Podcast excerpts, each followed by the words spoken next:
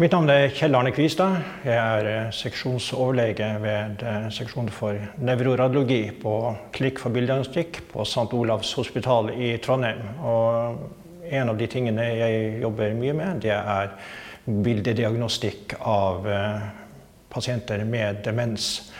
Og jeg jobber for geriatrisk avdeling og for alderspsykiatrisk avdeling her på, på sykehuset bl.a.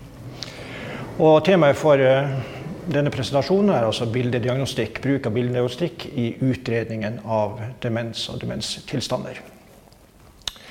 Det er slik at uh, bildediagnostikk er viktig for å utelukke behandlingsbare årsaker til demens. Sånn som hydrocefalus, altså vannhode, ulike svulster, kroniske subduralhematomer. Alt dette som kan gi demenssymptomer. Og hvis man har som ambisjon å påvise slike åpenbare behandlingsbare årsaker til demens, så vil i de aller fleste tilfeller en CT-undersøkelse av hodet være tilstrekkelig. Men når det gjelder differensialdiagnostikk mellom de ulike demenstypene som Alzheimer, kroniske eh, iskjemiske, altså multiinfarktdemenser, eh, eh, frontotemporale demenser og andre undertyper av demenser, så er MR eh, nødvendig. Og vi vet også at eh, MR-funn er nå en del av de diagnostiske kriteriene som brukes eh, for Alzheimer-diagnosen. Noen vil mene at det å bruke MR på en, eh, en tilstand som ofte ikke er behandlingsbar, som mange av demenssykdommene er, vil være feil. Men eh, sånn som min tankegang er, og mange andres tankegang, så er demenssykdommer en veldig krevende, alvorlig sykdom både for pasienter, for pårørende og for behandlerne. Så det å bruke noe ressurser for å komme mest, nærmest mulig en presis diagnose av disse tilstandene, er, er riktig og, og, viktig. Så eh, vi har en lav terskel for å bruke MR-diagnostikk på denne pasientgruppen. Eh, når man skal eh, stille diagnosen, eller prøve å differensiere mellom ulike eh, demenstilstander, så er det viktig å vite noe om hva som normalt skjer i hjernen ved den normale aldringen. Så akkurat som ansiktet, resten av kroppen, endrer seg etter hvert som vi blir eldre, så gjør også hjernen det. Hjernen hos en 80-åring ser nesten aldri ut som hjernen hos en 20-åring. Så aller først så skal jeg gå litt gjennom hva vi typisk finner på våre MR-bilder ved eh, eh, normal aldring. Og kanskje det, det, mest øyenfallende man ser, det er at man får det vi kaller for hvitsubstansforandringer i hjernen. Og som vi ser på disse, disse bildene her av, av tre eldre personer, så kan dette være beskjedent i form av små punktformede lesjoner, eller det kan være mer sammenhengende, eller det vi kaller konfluerende lesjoner. Og eh, vi vet at noen eh, faktorer er viktige for graden av utvikling av slike lesjoner. Høyt blodtrykk er én ting, røyking er én ting, diabetes er én ting. Og det er helt klart også arvelige faktorer som bestemmer i hvilken grad og hvor uttalt man har disse forandringene, og hvor tidlig de kommer i livet. Eh, når vi ser på pasienter med demens eller demenslignende tilstander, så er en av de tingene vi gjør, det er å forsøke å gradere disse lesjonene. Man kan gjøre det veldig presis ved å tegne konturer på hver enkelt lesjon og få ut et areal eller et volum av lesjonene. Men i vanlig diagnostisk arbeid så er det for tidkrevende, slik at det de fleste benytter seg av, er en enkel det man kaller for en semikvantitativ gradering. Og Den mest brukte slike graderingssystemet er det som kalles Fasekas gradering. Og Er det små fokale lesjoner, så graderes det til en grad, Fasekas grad 1. Begynner de å henge sammen, altså begynner konfluerende, så graderer man de til en Fasekas grad 2. Og er de sammenhengende, konfluerende, så er det en Fasekas grad 3.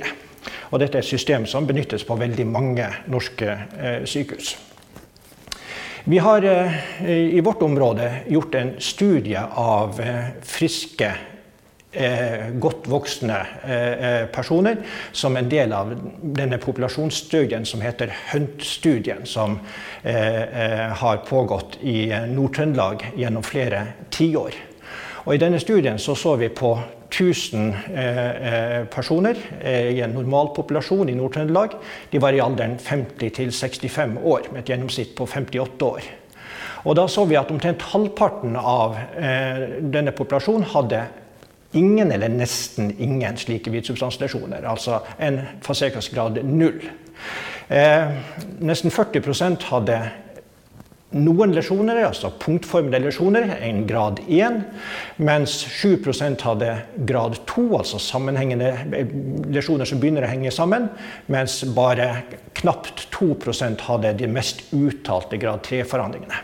Men dette er altså i gruppen 50 65 år, altså litt yngre enn eh, enn eh, de fleste pasienter med demenssymptomer. Og dette er altså forandringer som vi vet øker med tiden. Men dette gir et inntrykk av at slike lesjoner er vanlige også i denne eh, forholdsvis unge populasjonen mellom 50 og 65 år. Det vi altså vet, er at slike lesjoner er normalt hos eldre. Vi ser det hos svært mange. Men det er ikke betydningsløst likevel. Vi vet, det at har man slike lesjoner, og har man mange slike lesjoner, altså spesielt grad 2 og grad 3, så øker dette risikoen for både det å få et klinisk hjerneinfarkt, altså et hjerneslag, det er assosiert med redusert kognitiv funksjon, det er assosiert med depresjon og også med dårlig eh, eh, eh fysisk funksjon. Og vi vet at Pasienter som har Fasekas grad 3-forandringer, de har en stor risiko for å oppleve funksjonstap i løpet av, av eh, ganske kort observasjonstid, som vi får et inntrykk av på denne, denne illustrasjonen her. Eh, en annen ting som normalt skjer i en hjerne ettersom den blir eldre, det er at man mister substans. Dessverre så starter dette her så tidlig som i 40-årsalderen. Det er omtrent før man er 40 at man er på topp når det gjelder hjernevolum. Er substanstapet er hovedsakelig hvit substans man taper, ikke så mye grå substans, altså ikke så mye nevroner. Og en av de tingene som skiller denne normale substanstapet fra det substanstapet man ser ved mange demenstilstander, det er at dette er en generalisert forandring som er omtrent like uttalt i de ulike deler av, av storhjernen.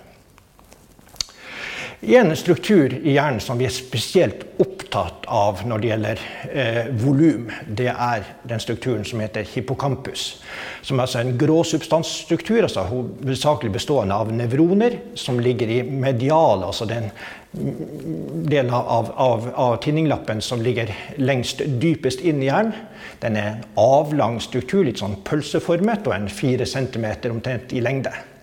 Og den mottar en rekke impulser fra, fra frontallappene. Og har også forbindelse videre til andre strukturer som fornix og amygdala. Og dette er altså det vi kaller for det limbiske system, som er helt sentralt i læring og i hukommelse. Og eh, Størrelsen på hippocampus vurderer vi først og fremst på det vi kaller for koronale bildeserier. Og det er altså et bildeplan som går i dette planet her, hvor vi altså ser pasienten rett forfra. Det er helt klart det, det bildeplanet hvor det er lettest å, å, å, betrakte og vurdere hippocampus. Og vi ser også på nærliggende strukturer som entorinale cortex og parahippocampale gyrus, som også er en del av det samme hukommelsessystemet.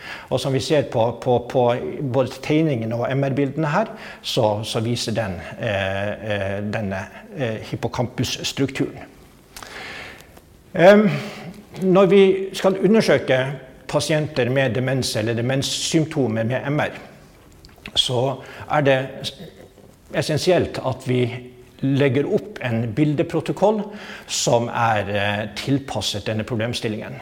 Skal vi undersøke en pasient med eh, spørsmål om hjerneslag, så vil vi gjøre MR-undersøkelsen annerledes. Skal vi undersøke en pasient med spørsmål om en svulst, så vil vi også gjøre det annerledes. Slik at vi har, og det vil de alle som driver med villønnsdykk av denne gruppen pasienter, vil ha en egen protokoll for denne, denne tilstanden. Og med protokoll så mener jeg en samling av eh, eh, bilder med ulik det vi kaller for vekting, altså ulik måte å fremstille vevet på, og også ulike bildeplan som viser ulik patologi. Um, Typisk vil en sånn sekvens, en slik protokoll inneholde fire eller fem ulike bildeserier. Ehm, og eh, hos oss så vil vi gjøre et volumopptak, et såkalt tenvektet volumopptak. Vi vil ha en, en T2-vektet serie i koronalplanet. Vi vil ha en flair-serie. Vi vil ha en serie som er følsom for blodprodukter, en, det vi kaller for en gradient ekoteto, eller hemosekvens. Og vi vil ha diffusjonsvektede bilder. Eh, poenget med disse sekvensene er altså å oppdage ulike former for patologi. Flerbildene er spesielt gode for å plukke opp disse kroniske kjemiske, altså kroniske vaskulære forandringer i hjernen. Disse hvitsubstanslesjonene som jeg nevnte tidligere. Så når vi graderer eh, graden av hvitsubstanslesjoner i Fasekas eh, skala, så er det flerbildene vi bruker til dette.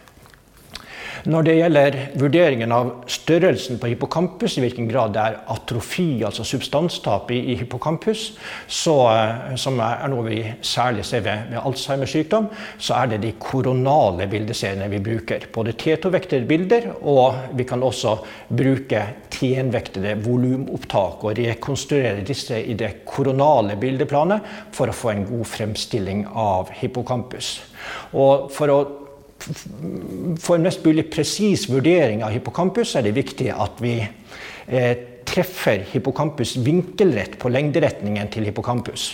Og oppe til høyre på denne, denne sliden her så ser vi eh, den bilderetningen som vi, som, som vi velger, med den, den, hvite streken, som altså følger lengdeaksen til hjernestammen. Hvis vi legger våre koronale bildesnitt på denne måten her, så vil vi treffe eh, vinkelrett på hippocampus. Og vi får de mest eh, representative målene på hippocampus. Eh, også på hippocampus kan man gjøre veldig presise volummålinger. Men det mest anvendte i klinisk praksis er å bruke også her det man kan kalle en semikvantitativ gradering. Dette kalles gjerne for Eh, medial temporal atrofiskalaen, eller forkortet MTA. Og den personen som først beskrev denne skalaen, heter Philip Sheltons, og noen vil også kalle dette her for Sheltons skala. Og slik den fungerer, så er altså en helt normal hippocampus graderes til en grad null, mens en uttalt atrofisk hippocampus, hvor det nesten ikke noe hippocampus igjen, graderes til en grad fire. Eh, og dette er også en utbredt eh, eh, graderingsmetode på, på norske sykehus. Poenget med det jeg kalte for hemosekvens, eller gradient ekoteto-stjernesekvens, det er å oppdage mikroblødninger.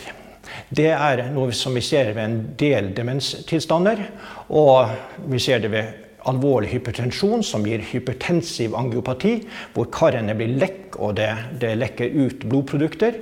Og vi ser, ved, ser, det ved en tilstand som heter amyloid angiopati, som er ganske hyppig forekommende i høye aldersgrupper. Og begge disse to tilstandene er, er assosiert med kognitiv svikt og demenssymptomer.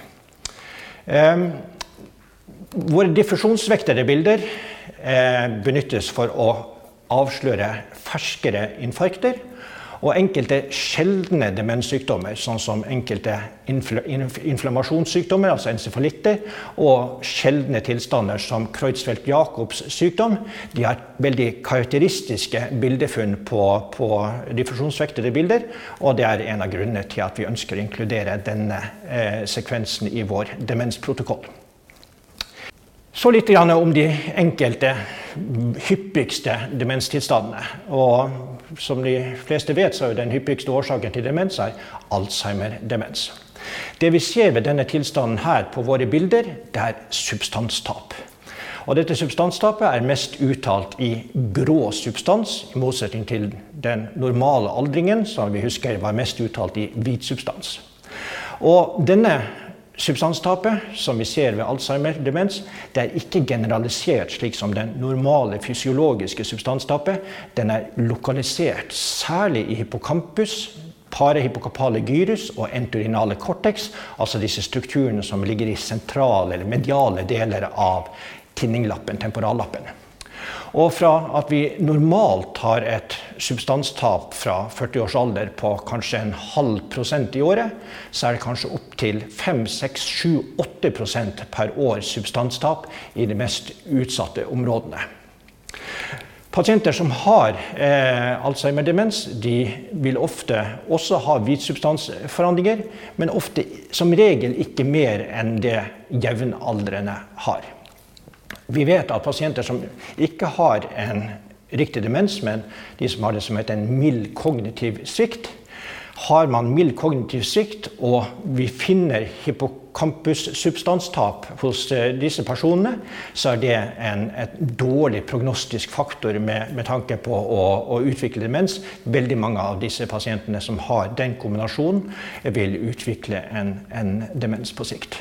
Og på denne sliden så, så, viser, eh, så, så ser vi hvordan en slik atrofi av hippocampus ser ut på, på T2-vektede bilder med et koronalt eh, bildeplan.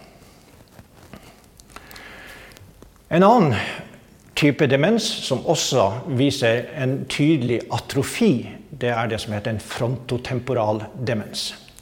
Dette er eh, klart sjeldnere tilstand enn Alzheimer-pasient, men likevel ikke sjeldnere at vi ser det regelmessig. Disse er jo typisk noe yngre enn Alzheimer-pasientene, og vi vet at det er flere subtyper av denne tilstanden. Det som vi ser ved frontotemporallapsdemens eh, på våre bilder, det er en kortikal atrofi, altså en atrofi av overflaten i frontallappene og temporallappene. Og denne atrofien, i motsetning til ved Alzheimer-demens, hvor atrofien typisk er symmetrisk, så er den her asymmetrisk. Vanligvis mest uttalt på venstre side, som vi ser hos, eh, på dette bildet nederst til høyre. Ehm, men av og til er det, er det høyre side som er mest atrofisk, men så typisk asymmetrisk. Og graden av atrofi er slik at overflaten på hjernen, på hjernen ser nærmest ut som taggene på et sagblad. Og denne atrofien kalles da av og til for en sagtakkatrofi, som er ganske karakteristisk for frontotemporallapsdemens. Så dette er en type demens som har ganske karakteristiske bildefunn i typiske tilfeller. En annen hyppig form for eh, demens er multiinfarktdemensene. Det er eh, i de flestes oppfatning den nest hyppigste av demenstilstandene. Den kan være eh, oppstått som følge av et stort hjerneinfarkt. Sånn som vi ser eh, på bildet nederst til venstre, hvor vi har et område, hvor pilen peker på et område med eh, infarktforandringer i basale deler av eh, tinninglappen og som hos denne pasienten ga en både demenssykdommer og en manglende evne til å gjenkjenne ansikter, som er et, en funksjon som, som, er lokalisert i dette området her, som heter fusiforme gyrus. Så det kan forekomme. Men det klart hyppigste er at det ikke er et storkarsinfarkt, men at det er småkarsykdom, hvor vi ser disse eh, typiske konfluerende kroniske kjemiske forandringene, forandringene, altså det vi kaller for Fasekas grad 3-forandringer. Det er eh, de som har utbredt eh, kronisk iskemi, har en overhyppighet også til å se, til å ha, eh, for å ha Alzheimer-forandringer. Slik at det er ikke uvanlig at vi har kombinasjonen av både konfluerende kroniske kjemiske forandringer i hvitsubstansen og hippocampusatrofi, slik som vi ser på bildet nederst til høyre. I noen utfordrende tilfeller så kommer vi ikke helt til mål verken med klinikk med eh, analyse av cerebrospinalvæske eller av, eh, av MR. Da kan vi i slike tilfeller ha glede av å gjøre det man kaller for en PET-undersøkelse, som altså er en nukleærmedisinsk eh, metode hvor man eh, injiserer et radioaktivt substans i en blodåre, og så ser på opptaket av denne, det man kaller for en tracer i hjernen. Det som er mest brukt i Norge hittil, har vært eh, det som kalles for FDG, som er altså en, en radioaktivt merket glukosemarkør. Hvor man altså ser på glukosemetabolismen i hjernen. Dette utføres på, så vidt jeg vet, på alle eh, regionsykehusene eller alle universitetssykehusene i Norge som har eh, utstyr for, for PET. Dette har en høy både sensitivitet og spesifisitet når det gjelder å differensiere mellom Alzheimer-sykdom og, og normal hjerne. Og vi benytter også dette for å differensiere mellom Alzheimer-demens og andre demensformer, slik som frontotemporal lapsdemens. Og hver av disse tilstandene har altså ganske karakteristiske eh, mønstre når det gjelder endringer i eh, glukosemetabolismen i hjernen. Dette benytter vi ikke rutinemessig, og det tror jeg ikke de fleste andre norske sykehus heller gjør, men i, i utfordrende tilfeller hvor, hvor, det er ønske om å komme nærmere en etiologi, så benytter vi, vi dette. En videreutvikling av denne metoden det er å bruke eh, eh radioaktivt merkede eh, markører som tas opp i, eh, i amyloid. Ehm, dette er eh, har man gjort i, i, i, i, enkelte andre land, både i Europa og også i USA, over noe tid. Det er eh, gjort forsøk med dette i Norge også, men det som har holdt denne teknikken litt tilbake, er bl.a. at dette har vært en litt teknisk krevende substans å, å utvikle. For dette må Eh, stort sett lages på en syklotron på det enkelte sykehus. Og, eh, eh, men dette er nok en utvikling som vi kommer til å se, hvor vi altså kan bruke denne PET-teknologien for rett og slett å, å få en kvantitativ eh, inntrykk av graden av amyloide plakk i hjernen, sånn som vi kan se ved, ved flere demenssykdommer. Men fortsatt altså ikke i rutinebruk i Norge. For å konkludere så tror jeg at det er grunn til å ha en liberal holdning til bruk av MR i demensdiagnostikk. Det vil som regel ikke ha en umiddelbar behandlingsmessig konsekvens for pasienten, men det kan gi en avklaring når det gjelder etiologi, både for pasient, for pårørende og for behandler. Eh, for oss som skal vurdere disse bildene, så er utfordringen ofte å prøve å skille mellom normale fysiologiske aldersprosesser i hjernen og de patologiske aldersforandringene som vi ser ved demenstilstander. Noe av det viktigste vi gjør, det er å vurdere og forsøke å evaluere graden av hvitsubstansforandringer. Og da benytter vi altså vanligvis denne semikvantitative graderingen, og vi vil også vurdere graden av substanstap. Og vi må prøve å kjenne igjen spesifikke mønstre i bildene som er assosiert med, med de hyppigste demenstilstandene. Um, og hvis vi gjør det, så vil vi kunne gi nyttig informasjon tilbake til eh, behandlende lege i svært mange tilfeller.